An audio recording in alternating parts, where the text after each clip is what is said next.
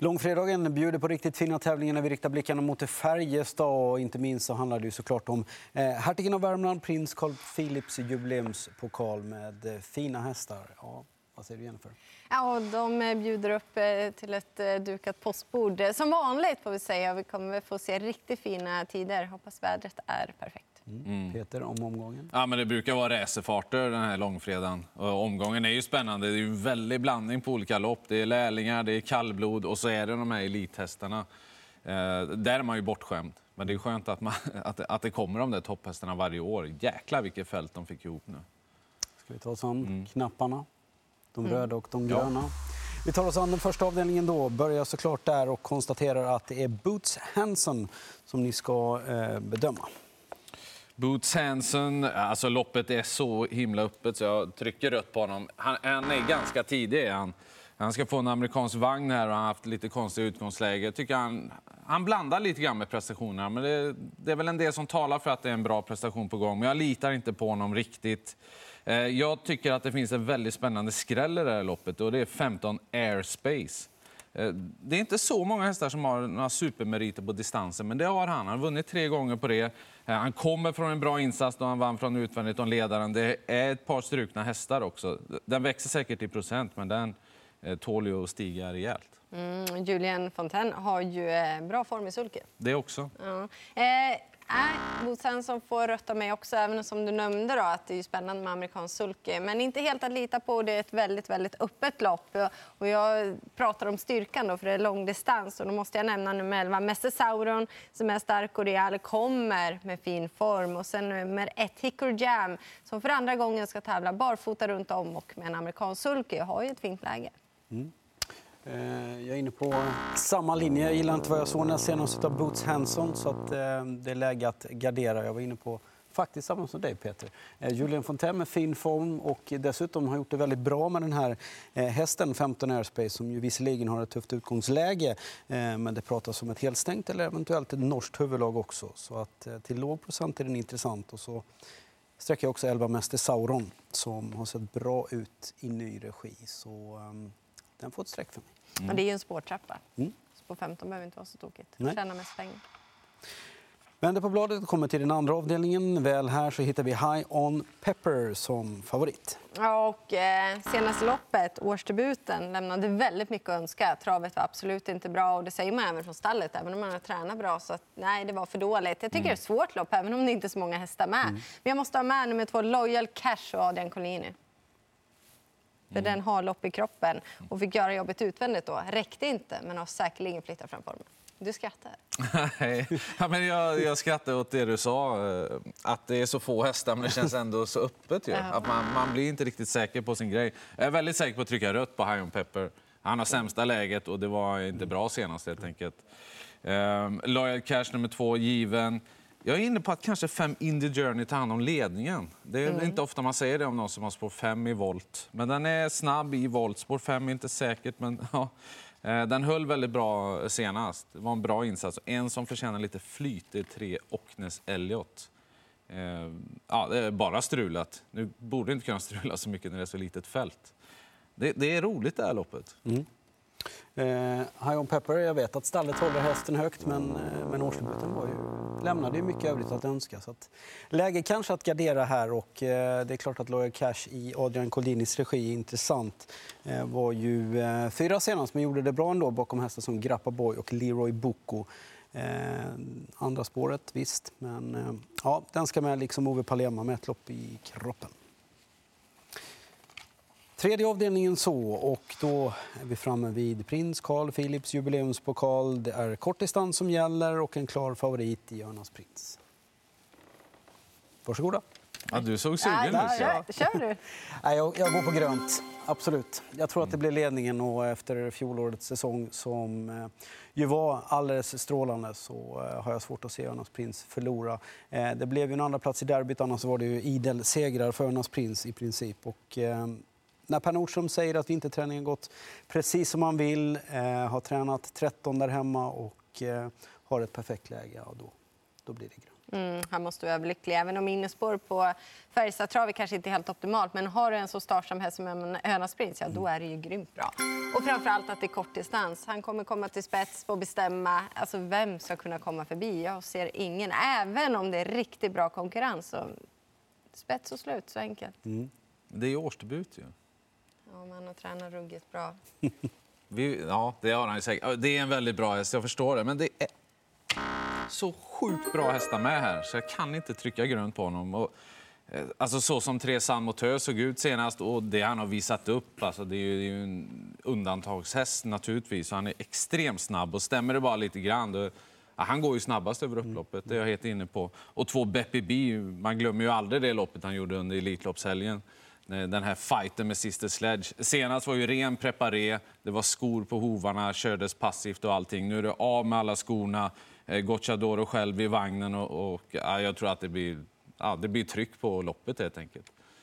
Och han kan vinna den tunga vägen. Här är ju några stycken som kan tänkas aspirera på en Elitloppsplats. Vi hoppas ju det. Ja, ja, jag skulle kunna välkomna halva gänget tror jag. Fjärde avdelningen så och eh, från de här snabba hästarna över kortdistans till kallbloden och eh, två Garlic Kongen som är favorit. Ja, nej, men här blir det rött. Han är inte pålitlig. Kort gott, så är det. Eh, nummer ett, eh, Lycketuva, är startsnabb. Kommer leda länge. Nu är det Marcus Lilius i sulker och jag tycker det känns spännande. Men det är inte hästen egentligen vi pratar om. Det är nummer åtta, Fröjupelle, som var riktigt bra bakom en bra häst som Ard senast. Då var det kort distans, han gick en otroligt fin tid. Men men han har gjort det bra på medel också. Så att eh, Fröjpelle, den är första hästen. Ja, det här loppet är inte lätt. Förutom att jag tycker det är givet tryckare. Han, han, har strulat mycket i volt, den här Galikongen. Klart han är en av de bättre hästarna i loppet, men det, det går inte med galopp. Lycketuva känns ju självklar med det innespåret där. Var barfota, va? Eh, också. Eh, eh, jätteskräll i loppet. Sex Egge Piril gjort ett par lopp nu, eh, någonting efter uppehåll, där jag två stycken. Eh, gick en bra upphämtning i skymundan senast. Kommer den väg felfritt borde han göra från det läget. Skulle kunna vara en superskräll. Det känns som att det är massvis mästare som kan vinna det här loppet. Mm. Garlikongen eh, nästan jämnt betrodd, men eh, mellan varven så kommer den där eh, galoppen. Då, då går det inte att lita på Garlikongen.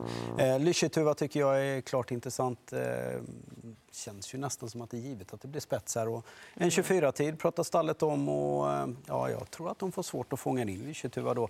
Eh, det som möjligen eh, pratar eller talar emot är ju två segrar på 22 försök. Men formen sitter ju där så att eh, mm. nästan spikläge. Ja, och Marcus Lilius eh, stabil. Mm. B75 5. Medeldistans gäller här, 2140 meter och ni ska bedöma at first. Han är favorit alltså. Hon, Eller hon, hon. rättare sagt. Eh, ja, det blir grönt. Sen är det spännande att eh, det ska bli första amerikansk sulke och var ju fin eh, i årsdebuten. Men det här är så svårt lopp. Eh, väldigt eh, klurigt. Nummer ett Os Allegretto, första barfota runt om. Det tycker jag känns spännande. Nummer 12 Combat Fighter med ett lopp i kroppen. Ja, ni hör, det är ruggigt svårt. Mm, jag håller med. Det är jättemånga hästar som kan vinna det här loppet. Eh, det blir rött bet first. Ehm, ja, den är snabb ut, det kanske kan bli ledning och sådär, men jag vet inte om det blir lagom tempo på det helt enkelt. Kan gå för fort. Fyra Wilhelm Tell, Mats Djuse upp där eh, och mycket bättre utgångslägen på sistone. Den känns ju självklar. Eh, den är 12 Combat Fighter. Ja, mm. Det är något med den hästen. Den, den, utvecklas. Kanske att jag velat haft en liksom, tätkänning, att den är bäst så. Då. Men i och med att det luktar lite tempo här så kan det gå ändå. Mm. Återigen Marcus Lilius. Just det. Ska han ta en dubbel? Kan bli så. Jag väljer också att gardera här.